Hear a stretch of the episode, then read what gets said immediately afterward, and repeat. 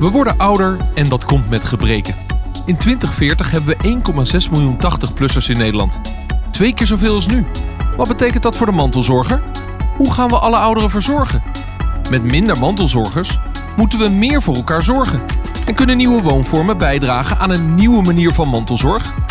Iedereen wordt ouder en moet hier dus over nadenken. In deze podcast helpen we je op weg. Dit is de Mantelzorg Podcast van Mantelzorg NL. Mijn naam is Maarten Bouwhuis. Fijn dat je luistert. In deze tweede aflevering van de Mantelzorg Podcast praten we over alle soorten woonzorgvormen die er zijn. Verzorgingstehuizen zijn al jaren uit het straatbeeld verdwenen en het verpleegtehuis is pas een optie als je echt hele zware zorg nodig hebt. Maar wat er in de plaats is gekomen van de verzorgingstehuizen en hoe wonen mensen nu als ze niet naar het verpleeghuis kunnen? Ja, maar er is wel zorg nodig. Nou, dat, ja, dat jaat, dat wordt opgevuld, maar hoe dan? Daar willen we het over hebben in dit gesprek. En dus zitten weer bij mij aan tafel Ginette Klein. Zij is juridisch adviseur en medewerker van de mantelzorglijn bij Mantelzorg NL. Klaasien Ouderdorp van Vereniging Eigen Huis. En Gerdien Beumer. Zij is mantelzorger en zelf zorgprofessional. Uh, eerst even Gerdien voor de luisteraars. Je hebt in de vorige aflevering al uitgelegd. Uh, je bent mantelzorger. Jouw ouders wonen dus bij jou op het erf. Even voor de situatie. Klopt. Zij wonen bij mij op het erf in een mantelzorgunit. Juist. Nou, jouw persoonlijke ervaringen daarmee zijn we zeer benieuwd naar. Dus uh, deel die met ons. Uh, Ginette, jij spreekt natuurlijk dagelijks heel veel mantelzorgers via de mantelzorglijn van Mantelzorg NL. Nou, wat voor vragen komen daar binnen als het gaat over de type mantelzorgwoningen die de mensen zouden willen hebben? Ja, nou, wij spreken jaarlijks uh, inderdaad gewoon wel duizenden mantelzorgers. En ik kan wel zeggen dat vragen over wonen echt uh, sinds een paar jaar echt met stip bovenaan staan. Uh, mensen vragen trouwens niet alleen over de mantelzorgwoningen, maar ze vragen ook over andere woonmogelijkheden. En waar het dan vooral vaak over gaat, is dat mensen ja, toch dichterbij willen gaan wonen bij degene waar zij voor zorgen, zodat diegene langer thuis kan blijven wonen. En ook wel langer moet blijven wonen, hè, wat je net al zei. Dus dat knelpunt van die afstand, ja. dat is voor de mantelzorger steeds het ding. Ja. Zoals mijn ouders die op 50 minuten ja. rijden, rijden. En ik heb de vorige aflevering al gezegd, ze kunnen nu nog alles. Maar over tien jaar is dat anders. Nou, of nu al. Hè? Je, je, je, merkt nu al dat mensen dan zich zorgen maken natuurlijk. En dan dichterbij willen gaan komen wonen. Nou, als je het dan hebt over huren. Dan kun je op basis van mantelzorg voorrang krijgen voor een huurwoning. Op basis dus van mantelzorg. Nou, dat is soms lastig aan te tonen. En daar bellen dus ook veel mensen over. Of mensen die dan officieel ook huurder willen worden. Als ze gaan samenwonen met degene waar zij voor zorgen. Dat heet dan weer medehuurderschap. Nou, daar kun je dus ook aan denken als mantelzorger. Ja, als je met z'n vieren de huurprijs ja. van een sociale woning uh, kunt ophoesten. Dan wordt het leven ook nog goedkoper. Dat kan. Het kan ook wel weer gevolgen hebben voor uh, toeslagen of andere zaken. Maar daar gaan we het de volgende keer over hebben. Ja. Nou ja, en dan mantelzorgwoning. Ja, daar bellen heel veel mensen over. Ja, veel mensen hebben daar oren naar. Veel mensen willen dit graag. Uh, ja, ze willen graag weten waar moet ik aan denken en hoe regel ik dat? En gaat jouw antwoord nou over de bestaande vormen? Je noemt het al even, hè? de mantelzorgwoning, uh, huren, mm -hmm. allerlei type oplossingen. Je mm -hmm. ouders dichter bij je halen of jij dichter bij je ouders gaan wonen. Om even het klassieke voorbeeld vast te houden. Mm -hmm. Gaan de meeste van jouw antwoorden over de, uh, hoe zal ik het zeggen, de vormen die we al kennen? Of geef je ook wel eens antwoord met, uh, op de manier dat als je zegt, ja, als je over tien jaar zou bellen, zou ik je een heel ander antwoord geven. Want we proberen nieuwe vormen te ontwikkelen, maar ja, die staan nog ja. niet overal. Uh, ja, daar hebben we het zeker ook wel over. En dan hebben we het bijvoorbeeld over de pre-mantelzorgwoning. Dus dat is wonen op het moment dat er nog niet echt sprake is van mantelzorg. Maar je wil het gewoon alvast regelen, zodat op het moment dat er echt mantelzorg nodig is, je in de buurt bent. Ja, toon ja. dan maar eens aan dat je vader over vijf jaar zorg nodig heeft. Nou ja, als iemand een beginnende ziekte heeft, dan ja, is dat ja, soms wat eenvoudiger. Maar goed, daar is nog gewoon geen algemene regelgeving voor. En daar doen wij wel ons best voor om dat toch meer voor elkaar te krijgen. Nou, we willen het helemaal vastpakken in deze aflevering. Dus Klasien zijn we ook blij dat jij weer bij ons aan tafel aanschuift van Vereniging Eigen Huis. Uh, uh, jullie doen er ook onderzoek naar. Je hebt vorige keer verteld dat je kwalitatieve gesprekken had met mensen om te begrijpen wat willen mensen eigenlijk. Maar als je nu het net ophaalt, hè, verschillende woonvormen die je ziet ontstaan in mm -hmm. het land, hoe zou jij het, uh, het landschap schetsen? Nou, wat wij merken is dat uh, wij veel benaderd worden door leden die zeggen: Ik wil mij voorbereiden. Een beetje dat pre-gevoel waar uh, Ginette het ook over heeft. Mensen zeggen: Ik zou wel samen willen wonen met mijn kinderen. Of kinderen zeggen: Ik wil samen gaan wonen met mijn ouders. Ik wil een andere woning kopen die daar geschikt voor is. Of een van beiden heeft een woning en zegt: Ik wil dat mijn ouders bij mij inkomen wonen. Of andersom. Dus dat, dat zien wij eh, met name. En in die kwalitatieve onderzoeken waar jij het over hebt, hebben wij ook aan mensen gevraagd: wat vind je nou van alternatieve woonvormen? En met gelijkgestemde wonen op een, een, andere. een beleidsmatig woord is, hè? Alternatieve wonen. Ja, alternatief anders dan gebruikelijk, laat ik het even zo zeggen. Wat vind je daar nou van? En dan zeggen de senioren, want we hebben de senioren daarover eh, bevraagd met name. Die zeggen toch van ja, ik weet het niet zo. Ik weet het niet zo. Ik vind dat toch heel lastig eh, vanwege privacy. En hoe werkt dat dan? Er is een enkeling die zegt, ik zie dat wel zitten. Maar de meeste mensen moeten aan dat idee toch wel heel erg wennen. En dan moeten ze wennen aan het idee dat ze in een groter woonzorgcomplex zouden komen te wonen. Waar mensen voor elkaar gaan zorgen, wat niet per se je eigen kinderen zijn. Ja, ik, ik denk dat het nog niet eens zozeer over zorgen gaat. eh, maar dat het meer gaat over, ja, hoe, hoe werkt dat dan? Moet ik dan verplicht koffie drinken twee keer in de week? Want dat wil ik helemaal niet. En misschien wil ik wel bij mensen wonen. En misschien wil ik wel een keer met die mensen op stap naar een museum of zo. Maar ik leg me echt nergens toe vast. Ik vind dat best wel eh, een inbreuk op mijn privacy. Ik denk dat dat het is wat mensen eh, tegenhoudt Oh, daarin. Dus het is toch een beetje een angst tegen de jaren zeventig commune. Misschien wel, misschien wel. Misschien daar, is het... daar komen veel van jullie leden zelf vandaan, maar dan willen ze dus niet meer naartoe Ja, terug. dat zou zomaar kunnen. Misschien hebben ze herinneringen aan vroeger en denken dat nooit. Maar mensen moeten daar wel erg aan wennen. En we hebben ook aan mensen gevraagd, want we hebben het ook over ouders en kinderen die samenwonen. Eh daar krijgen wij dus ook veel vragen over binnen. Maar aan deze senioren hebben we ook gevraagd: hoe, hoe kijk je aan tegen samenwonen met je kinderen? Nou, daar is ook niet iedereen op voorhand Nee. laaiend enthousiast over, eh, moet ik zeggen. Want ook daar speelt privacy wel een rol. Ja, dan moet je samenwonen dus wel definiëren. Eh, want eh Gerdien, jij hebt dus die mantelzorgwoning op je erf. eh, waardoor je wel op één erf woont, maar niet samen. Kan ik me zo voorstellen. Klopt. Ja. Of, of schuif je je ouders elke avond aan voor het eten? Eh, nee. Nee. Wel vaak.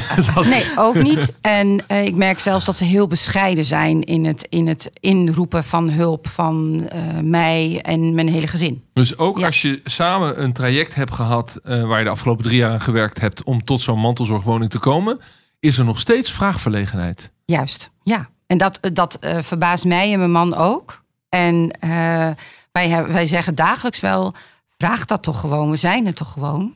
Sterker nog, we hebben jullie hier op het erf gebracht, zodat je het makkelijk aan ons kunt vragen. Juist, ja. Maar daar zit toch een enorme vraagverlegenheid. Mooi woord, eh, zoals jij dat zegt. Ja. Je hebt de vorige aflevering uitgelegd dat, dat jullie ook verhuisd zijn, eh, hè, dat je een andere plek bent gaan wonen, zodat je een groter erf hebt, zodat je de mantelzorgwoning op het erf hebt kunnen bouwen. Ja. Of beter gezegd, neerzetten. Hè? Want Neerzetten, juist. Ja, het is prefab gebouwd in een fabriek en in vier delen aangeleverd. Ja, maar op het moment dat de situatie voorbij is, ja, dat is een lastig moment, want dat betekent dat je niet meer voor je ouders hoeft te zorgen. eh, dan gaat die woning ook weer weg. Dat zou kunnen, ja. Of mag blijven staan en dan moeten we hem ontmantelen. Ook een grappig woord, hè? Mantelzorger die ja. we dan ontmantelen. en dat, dat houdt in de praktijk in dat we de keuken en de badkamer eruit zouden moeten slopen. Oh, dan hou je een schuur over. Een hele dure. Ja, Ja. dat is een beetje, beetje, een beetje raar. Je kunt het dus beter optillen en verkopen, zodat iemand anders hem op zijn erf kan zetten. Dat zou, dat zou kunnen, maar ook dat is, is wel een enorme eh, ingreep. Nou, met al deze nadelen, eh, heb je nagedacht over andere woonzorgvormen Ja. die net allemaal even in het rijtje voorbij komen dan Ja. deze? Omdat wij, wij moesten zoeken hè, naar een andere woonplek eh, om, om iets te kunnen realiseren zodat zij bij ons zouden kunnen komen wonen. We hebben eigenlijk alle eh, aspecten wel gezien ook. Alle, het, ik weet nog, het allereerste woning die wij bezicht, we gingen bezichtigen was een groot huis eh, waarin een mantelzorg eh, eh, of een, eigenlijk een, een apart eh, gedeelte bij was gebouwd. Dus eigenlijk de, de klassieke kangeroewoning. Maar, en waar, Voor de waar- mensen die dat woord niet kennen, dat is dus een woning waar je met je gezin woont in jouw geval. Met een soort van buidel Ja. waar je Ja. de, de ouders in wonen die verzorgd worden. Ja, onder één dak, waarbij wel zij hun, hun eigen gedeelte hebben. Dus eigen keuken, eigen badkamer. Eigen opgang? Eigen opgang ook in dit geval. Ja, Ook belangrijk dat je elkaar niet elke ochtend tegenkomt in de gang. Mm, ja, ja. nou in dit geval was dat zo. Een, een prachtige plek. Maar wat we, waar we toen vervolgens tegenaan liepen... is dat we dat financieel niet rondkregen. Dat is te duur. Eh, eh, wij hadden dat eh, met mijn ouders kunnen eh, kopen. Maar de banken vinden dit heel ingewikkeld om, te, om daarvoor hypotheek te geven. Ja, ja. Dus dat- je bent mede ook op deze variant uitgekomen vanwege het financiële. Ja. Ja. Dus deze variant van de mantelzorgwoning Ja. op het erf. Ja. wij kwamen uiteindelijk uit bij het huis waar we nu dan uh, uh, wonen. En daar hadden we nog de keuze: gaan we aan het huis bouwen zodat we er zelf een kangeroewoning van gaan maken? Dat, dat was een hele reële optie geweest. Maar mijn ouders, in overleg met mijn zus en zwager, kozen ervoor om de uh, versie mantelzorgunit te doen. Met het idee dat kunnen we dan ook weer opheffen. En dat had dan weer te maken, zouden we aan het huis vast gaan bouwen. Um, mijn man en ik hebben het huis gekocht. En vervolgens zou mijn vader investeren om daar hun unit aan vast te gaan bouwen. En we kregen dat niet goed uh, bedacht en voor elkaar. Om hoe we dat dan notarieel vast zouden gaan leggen. Om dat later te vererven met mijn zus. Ja, we willen zeker ook in de derde aflevering van deze podcast. Ja. al dit soort praktische, financiële, juridische bezwaren met elkaar bespreken. Nou, dit alvast even als voorproefje ja. daarvan. Tot en met de vererving met je zus. Ja. Heel interessant. Um, Ginette, dat betekent mm -hmm. uh, mensen stellen vragen. Er zijn mm -hmm. behoorlijk wat varianten om dus woonzorg te combineren. Uh, maar de keuze daartoe uh, is gewoon heel ingewikkeld. Nou ja, er komt gewoon heel veel bij kijken inderdaad. Hè? Dus van tevoren al. Of je hebt ook te maken met de gemeente die die voorwaarden stelt. Uh, ja, ik zie Gedien ook knikken, dus die heeft dat ook meegemaakt. Um, ja, financieel, wat Gedien ook al aanstipt. En ja, er, er komt gewoon heel veel bij kijken. Dus je hebt dat niet zomaar gedaan. Iemand die hier heel veel van weet, van al die verschillende woonzorgvormen, is uh, Yvonne Witter. Yvonne is uh, adviseur en initiatiefnemer van Zorgzaam Wonen. Dat is eigenlijk een landelijk platform um, waarin ze kennis willen delen op het gebied van wonen, zorg en welzijn. En ja, zij reist ook heel veel door het land heen om al dit soort woonzorgvormen en nieuwe initiatieven uh, te bekijken. En dan weer op haar platform te delen. Dus bel ik elke aflevering even met Yvonne.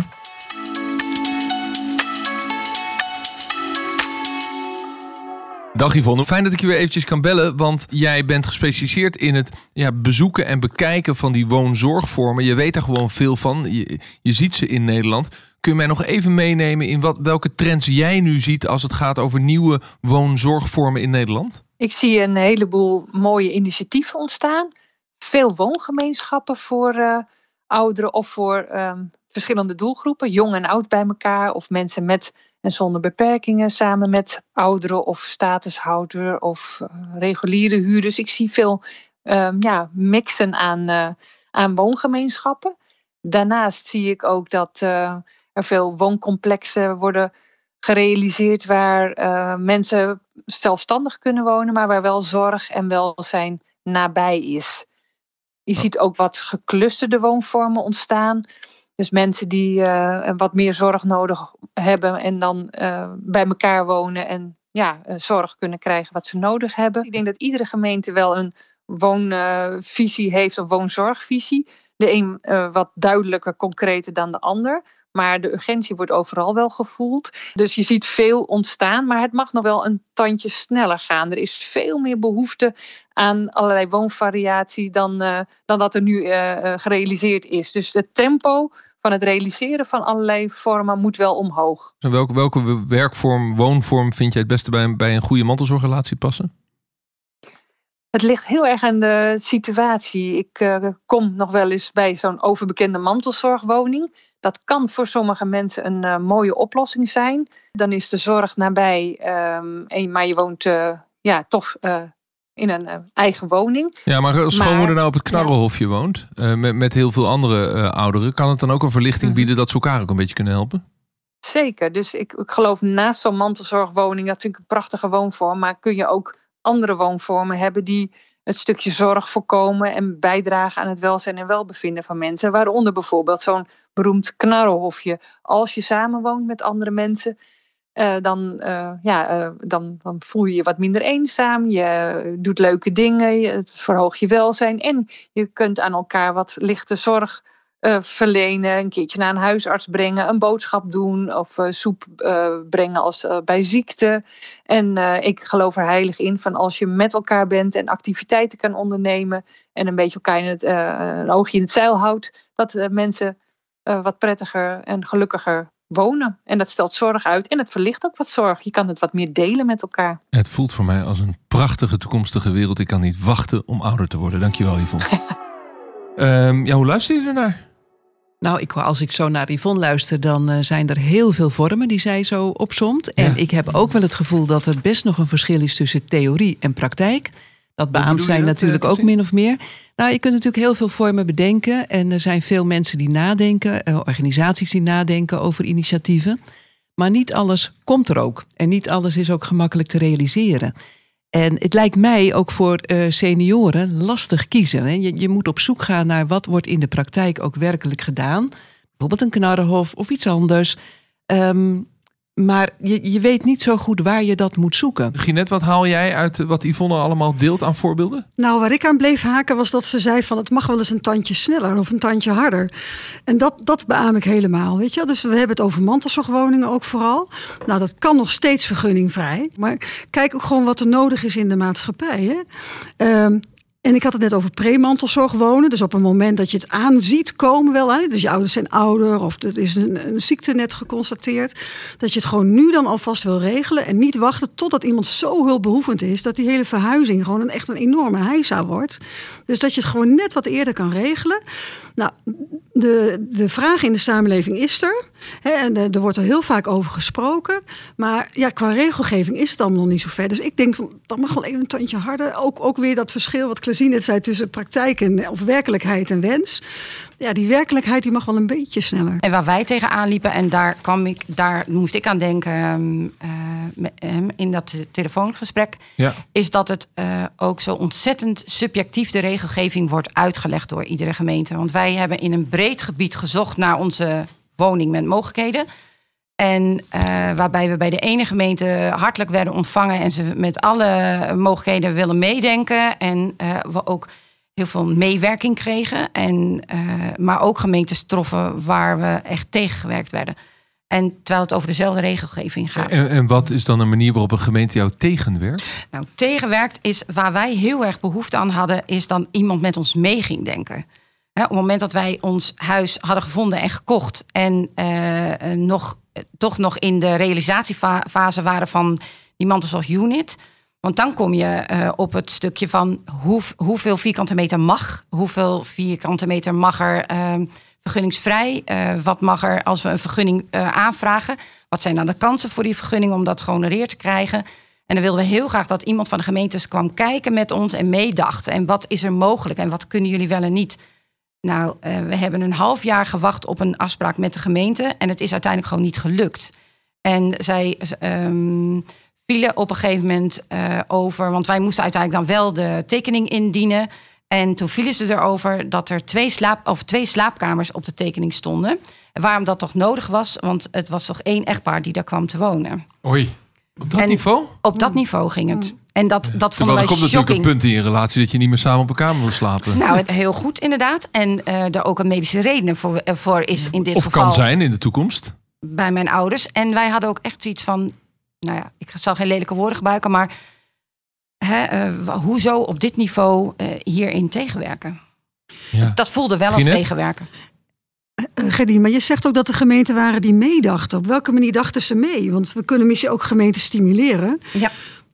Ja. Er was één gemeente, daar hadden we een huis op, de, op het oog. Uh, en daar hadden we zo'n mooi lijntje mee met één persoonwissel op een gegeven moment. En dan kon ik gewoon vragen: dit huis hebben we op het oog, dit erf. En daar staat al een groot pand op wat mag er met dat pand? Um, want dat pand was niet heel makkelijk uh, te verbouwen tot een mantelzorgunit. Dus het liefst hadden wij op dat hele grote perceel wat het was... nog een aparte uh, unit erbij. Mag dat dan? En het waren hele korte lijntjes. En hij had meteen de kadasterkaart voor elkaar. En dacht uh, fantastisch mee. Ja, dus dan ben je toch afhankelijk van een individu, ja. een individuele ambtenaar... Juist. die daar iets mee heeft, die ja. dat oppakt, die, dat, die daar enthousiast over is... Uh, en in die andere gemeente, je eerste voorbeeld, had je geen enthousiaste ambtenaar. Absoluut is het zo plat dan het uiteindelijk? Zo plat was het. Laten we maar een stapje gaan maken naar die gemeente. Straks praten we door over de voordelen die er zijn voor de mantelzorgers in die nieuwe woonzorgvorm. Er zijn vast ook nadelen bij. Maar we moeten die gemeentes, die hebben we echt nodig. En dus bel ik elke aflevering altijd eventjes met Almere naar onze wethouder, Vrouwtje de Jong. Dag vrouwtje. Uh, kun je vertellen over de verschillende woonzorgvormen die er in Almere beschikbaar zijn? Nou, over vertellen, ja. Uh, nou, laat ik uh, met de kern beginnen. Het zijn er nog te weinig. Um, te weinig vormen of te weinig woningen? Te weinig vorm, nou, allebei. Dus het is echt wel. Uh, dit college heeft in 2020 dus nu een jaar geleden gezegd: uh, dit is echt wel een van de grote maatschappelijke opgaven die we hebben. Het realiseren van veel meer mogelijkheden voor wonen en zorg. En dat gaat om kwantiteit, dus hoeveelheid woningen, en kwaliteit. Ja, en zit dat dan zowel in de particuliere sector, dus dat het mogelijk is om eh, meer generatiewoningen te bouwen. Dus hè, dat vraagt om verbouwen, om mantelzorgwoningen in de tuin te zetten. Hebben we het vorige keer eventjes over gehad. Uh, maar zit het hem ook in de sociale sector? Dus dat je kijkt met de corporaties hoe je dat mogelijk kan maken? Zeker. Uh, nou ja, en vanuit het idee dat je als overheid vooral uh, aan de slag moet voor degene die, uh, die het, uh, het minst makkelijk zelf kunnen regelen, richten we ons juist heel erg ook op die goedkopere, de betaalbare woningen. en hebben we inmiddels een intens, intens en intensief samenwerking met alle woningbouwcorporaties en alle zorgorganisaties in Almere. Dus dat is ook waar de gemeente zich wat er nodig is. op richt, hè, met die partijen, kijken wat er nodig is. Maar je richt je dus ook op de mensen die je zult moeten helpen. Maar voor de mensen die het zelf zouden kunnen financieren, wil je vooral de drempels weghalen. Ja, en daar willen we ook, uh, dat is waar ik op dit moment mee bezig ben, dat is de loketfunctie. Uh, wij hebben het voor mensen die zelf voor zichzelf of voor een ander iets willen organiseren extreem ingewikkeld gemaakt om dat te doen. Um, dus wij willen een veel makkelijker. Um, uh, wij willen dit veel, meer, veel makkelijker maken voor mensen. Dus één loket waarbij je één mens krijgt die met jou langs alle verschillende uh, delen van de gemeentelijke organisatie gaat om uh, ja, die woonzorgwoning mogelijk te maken. En wat is dan een voorbeeld van jullie eigen analyse dat jullie het veel te ingewikkeld hebben gemaakt? Nou, neem de financiering van gemeenschappelijke ruimten. Ik bedoel, als je, um, als je met elkaar wilt wonen en voor elkaar wil zorgen, ja, dan heb je natuurlijk iets van gemeenschappelijke ruimtes uh, nodig om ontmoeting mogelijk te maken.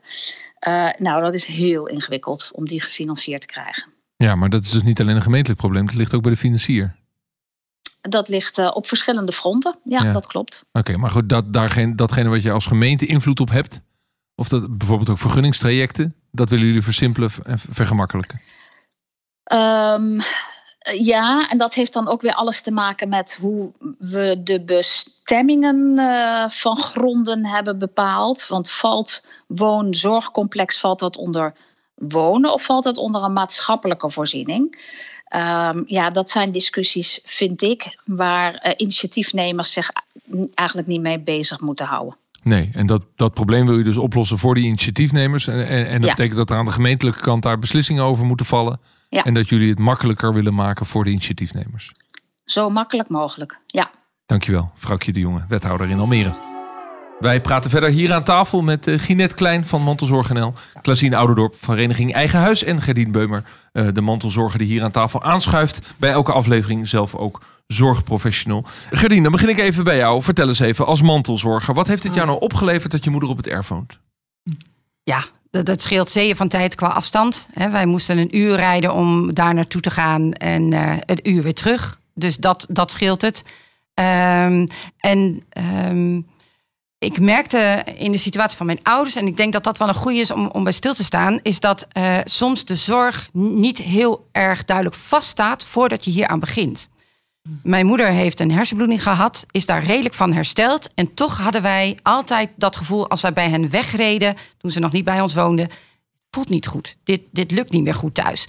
Maar waar het dan precies in zat, dat wisten we niet. Maar goed ging het niet. En, hè, want als je in een rolstoel zit, halfzijdig verlamd, dan is de zorg heel duidelijk. Dan moet er gewoon fysieke zorg geleverd worden. Maar dan komt er ook professionele zorg. Juist. Dan, hè, en dan monitor je dat en dan schakel je dat in en dan kijk je mee of dat goed gaat. Maar in, in het geval van mijn ouders ligt het heel subtiel. En, uh, en in die zin ben ik heel blij dat ze heel dichtbij wonen, zodat ik dat een beetje kan monitoren. En is en je iets opgevallen bijsturen. dan sinds dat ze bij op het erf wonen? Wat je dus toen niet kon zien doordat je weer in de auto stapte. Ja. En je hebt dat vorige keer verteld van Friesland naar Noord-Holland terug naar huis reed over de afsluitdijk. Dat uh, de situatie veel precairder is. En het, en het, uh, het kaartenhuis wat ze nog met elkaar samen uh, omhoog hielden, veel kwetsbaarder was dan dat ik dacht. En dat is ook gebeurd. Op het moment dat ze kwamen wonen, is ook letterlijk het kaartenhuis bij hun samen wel ingestort. Net alsof ze echt de, de laatste jaar, jaren misschien wel op eieren hebben gelopen. En op het moment dat ze bij ons kwamen, met een zucht in de stoel zijn gaan zitten en zo van, en nu zien we het wel. Is dat dan niet een zorgparadox? Dat op het moment dat er dus meer zorg beschikbaar is, dat mensen ook meer zorg gaan gebruiken? Dat zou best kunnen. Maar uh, in hun geval is het, is het ook echt zo. Want bleek hè, dat uh, bij beide toch cognitief wel het een en ander aan de hand te zijn. En cognitief hè, bedoel ik dat um, bijvoorbeeld een voorbeeld, de, de boekhouding van mijn vader toch al achteraf een jaar in de kast geschoven werd en niks meer mee gedaan. Um, bepaalde dingen niet meer goed kunnen overzien. Als er iets in uh, spannende dingen gebeuren, dat ze er vanaf zijn, dat, uh, dat niet goed kunnen organiseren op dat moment. Vaste boodschappen lukt, maar alle dingen eromheen hebben ze hulp bij nodig. En dat ligt heel subtiel. Maar dan ben ik blij dat ik in de buurt ben, dat ik het kan zien. Want zij vragen er niet om. Ja, maar doordat dus de, ik het de, zie. De voordelen voor jou als mantelzorger zijn. Je eerste antwoord is gewoon heel praktisch. De, al die autokilometers en tijd. Hè, ja. die, maar je tweede antwoord is veel diepgaander. Je, je zit er dichter op. Dus ja. je kunt veel beter zien wat er nodig is. Ja. Uh, en dus je zorg beter afstemmen. Juist. De, het nadeel daarvan is natuurlijk dat je veel meer gaat zorgen. Ja, en dan komen we misschien ook meteen hè, bij dat nadeel. Um, waar uh, grijp ik in als mantelzorger en waar laat ik het nog even gebeuren? Waar laat ik het sudderen? En dat is ook wel meteen spannend. Hè? Dat, dat, dat gebied van dochter zijn of de volwassen mantelzorger die in gaat grijpen op een ander niveau. En dan krijg je een andere relatie met je ouders. Ja. Uh, Ginette spreekt natuurlijk ook voor veel. Uh, jij spreekt voor veel mantelzorgers en dan gaat het dus over wonen. Uh, wat is nou jouw beeld van hoe mantelzorgers, hoe het kan helpen dat er verschillende woonvormen zijn en wat de voordelen zijn? Ja, ik kan alleen maar aanhaken op wat Gerdien zegt ook. Uh, het is veel mensen inderdaad die ervaren die afstand. Steeds meer mensen wonen verder van hun ouders af. En die ervaren die afstand als een probleem. Dus gewoon de reistijd al, of de reiskosten. Bedenk ook hoeveel geld mantelzorg dan met zich mee kan brengen. Of hoeveel kosten. CO2-uitstoot? Nou, om het actueel te houden, dat willen we ook verminderen. Maar in ieder geval, um, uh, ja, als je, als je ook mantelzorg uh, combineert met werken of met je gezin of andere uh, verplichtingen. veel mensen die hebben die, die combinatie. Dus als je verder weg woont, dan kan het op een gegeven moment een behoorlijke belasting worden. Als je een heel stuk moet rijden. Nou, je kunt er ook niet direct zijn als er wat gebeurd is. Je kan inderdaad niet, niet snel handelen. Dus dat, dat is een voordeel als je dichter bij elkaar woont. En een ander voordeel is inderdaad toch ook wel wat Gedien ook zei.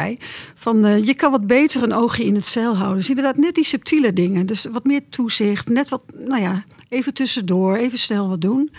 Maar ja, een van de gevaren kan inderdaad ook weer zijn... dat je er dan ook echt niet meer goed los van komt. Want uh, ja, je, je bent steeds met bij elkaar in de buurt... En uh, ja, dan kan het doorschieten. Hè? Uh, als we het hebben over meer generatiewoningen... Uh, zie jij nadrukkelijke voor- en nadelen voor mantelzorgers?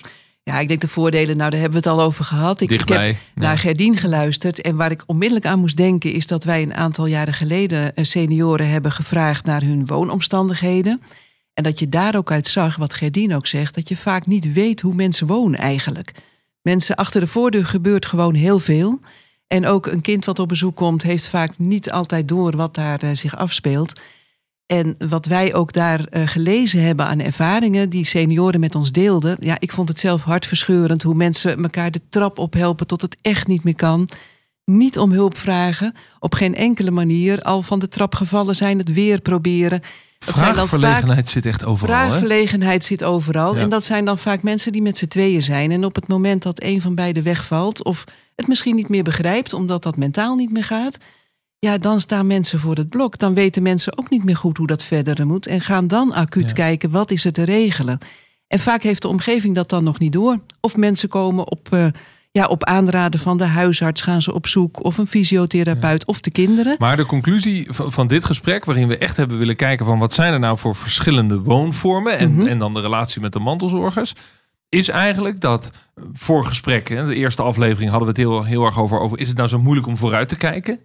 Nou, dat blijkt. Zeker ook bij het uitzoeken van de goede woning. En als je dan gaat uitzoeken, dan kom je heel erg, uh, ik laat zien, bij de bestaande vormen. Al is het een mm -hmm. meergeneratiewoning of de kangeroewoning of misschien die mantelzorgwoning in de tuin. Maar Ginette, mm -hmm. de nieuwe type woonvormen, mm -hmm. grote complexen, ja, die staan bij de gemeentes nog op papier. Ja. Soms worden ze ontwikkeld. Ja. Maar dat is eigenlijk als, als ouder of als mantelzorger heel moeilijk om je op voor te bereiden. Want het is misschien pas in 2030 klaar. Nou ja, je moet het ook maar aan willen en aan durven, toch? Eh, hè? Ja, ik bedoel, er komt zoveel bij kijken. Juridisch, maar ook eh, bouwtechnisch. En Ja, om dat helemaal zelf te aan? gaan ontwikkelen. Ja, Ja, maar er zijn mensen die dat willen doen. Maar dat Er is zijn mensen die zo'n heel complex willen ontwikkelen. Jawel, ja. Ja, maar- Knarhof is ook van onder, Ja. onderop ontstaan. Maar dan, ben je- dan word je Ja. gewoon professioneel projectontwikkelaar. ja.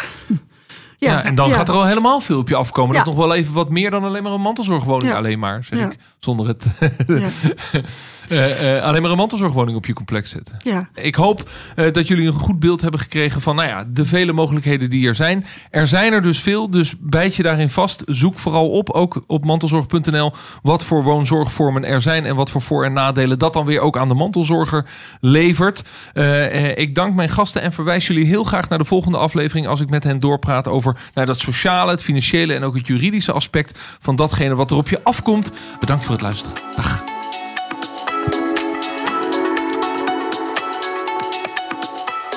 Dit was de Mantelzorg-podcast van Mantelzorg NL. Vind je dit een leuke en nuttige podcast? Geef ons dan een podcastrecensie in jouw favoriete podcast-app. Voor alle vragen over mantelzorg kun je natuurlijk terecht op mantelzorg.nl. Mijn naam is Maarten Bouwhuis. Bedankt voor het luisteren. Tot de volgende aflevering.